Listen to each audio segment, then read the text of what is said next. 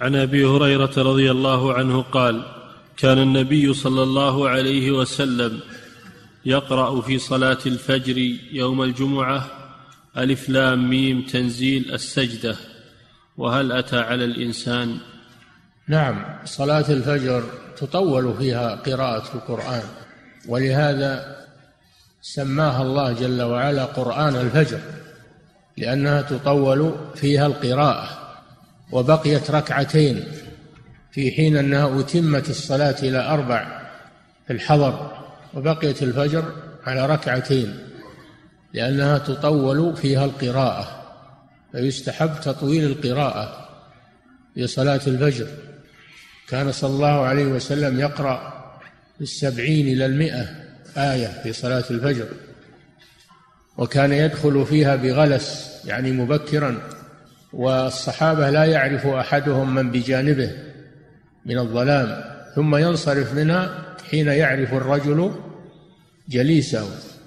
دل على أنه يطيل الصلاة عليه الصلاة والسلام ويطيل القراءة فيستحب تطويل القراءة في صلاة الفجر.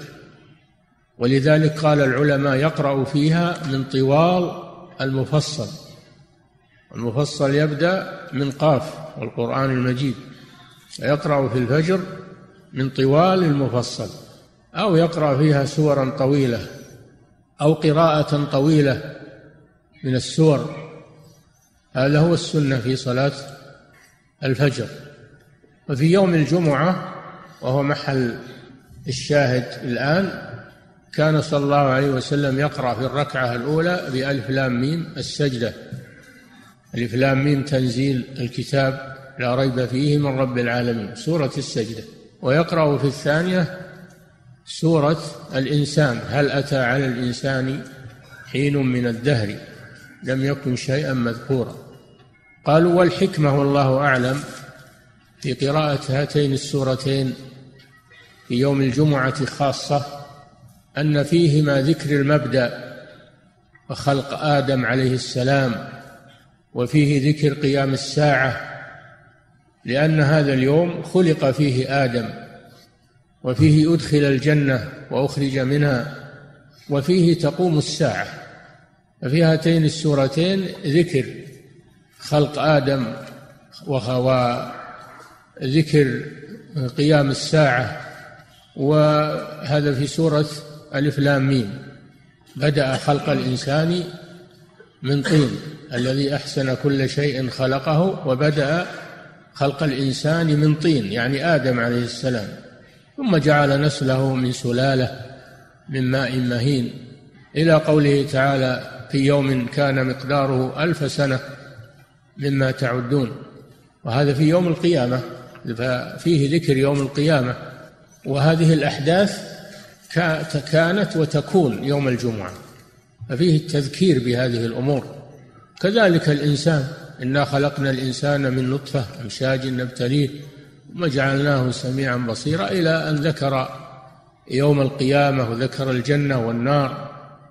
هذه المناسبة والله أعلم من قراءة هاتين السورتين أن المقصود التذكير بالمبدأ والمعاد وتذكير بأحوال يوم القيامة لأن هذه يوم لأن هذه الأحداث في يوم الجمعة ويذكر الناس بها من أجل الاستعداد لها والتوبة إلى الله عز وجل.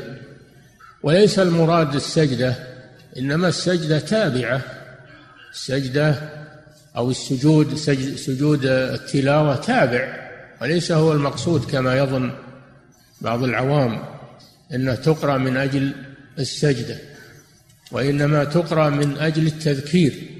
والسجدة إنما هي تابعة ليست مقصودة. فمن مر بالسجدة وهو يصلي سواء يوم الجمعة أو غيرها استحب له أن يسجد. وهذا خاص بيوم الجمعة. فهذا الحديث فيه فضل قراءة هاتين السورتين في يوم الجمعة. إلا أنه لا ينبغي المداومة عليهما لئلا يظن العوام والجهال أنه لا يجزي غيرهما في الصلاة الفجر في هذا اليوم بل يتركهما أحيانا من أجل أن يعرف الناس أن قراءتهما مستحبة وليست وليست واجبة. نعم.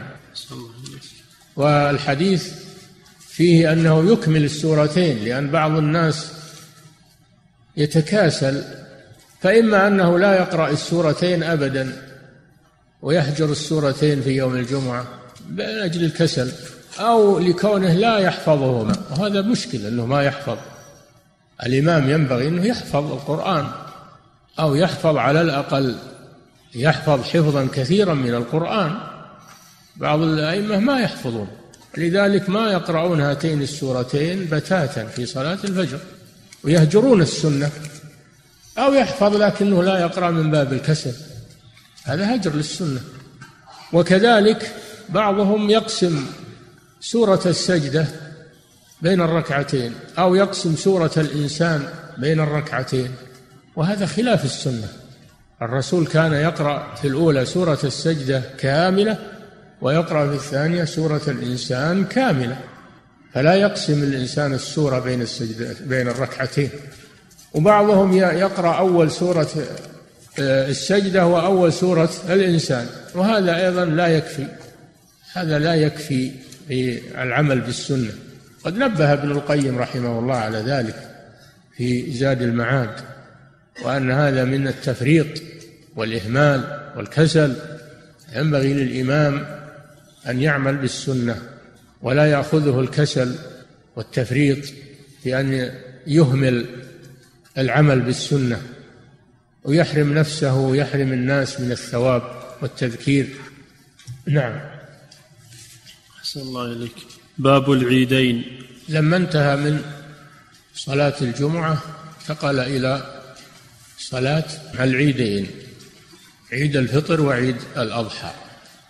والله جعل للمسلمين عيدين فقط. عيد الفطر حينما يفرغ الناس من صيام رمضان الذي هو ركن من أركان الإسلام وعيد الأضحى حينما يفرغ الناس من الوقوف بعرفة الركن الأعظم من أركان الحج. وكل من العيدين بعد عبادة عظيمة. هذه المناسبة. ولا تشرع الأعياد في غير العيدين عيد الفطر وعيد الأضحى.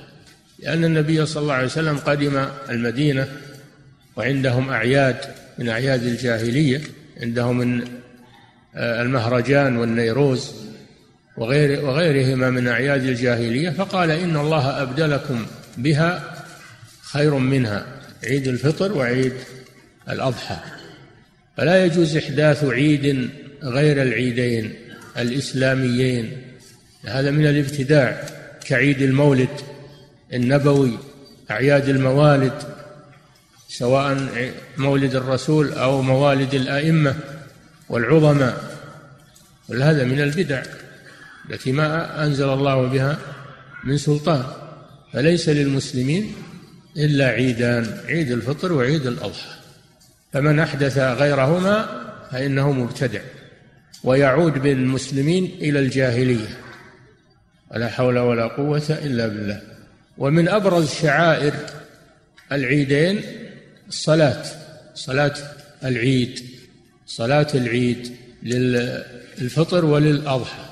ويخرج المسلمون من البلد يصلونها في الصحراء اظهارا لهذه الشعيرة. ويحضرها الكبار والصغار والرجال والنساء. حتى النساء النساء الأفضل أن تصلي الفرائض في بيوتها. إلا العيدين فقد أمر النبي صلى الله عليه وسلم بإخراج النساء حتى العواتق والحيض لأجل يبرز المسلمون يبرز المسلمون ويظهرون هذه الشعيرة العظيمة وتكون في صحراء إذا أمكن أو تصلى في الجامع إذا لم يمكن أن تكون في صحراء. المهم أنهم يحرصون على صلاة العيد وحضورها لأنها شعيرة عظيمة من شعائر الإسلام الظاهرة.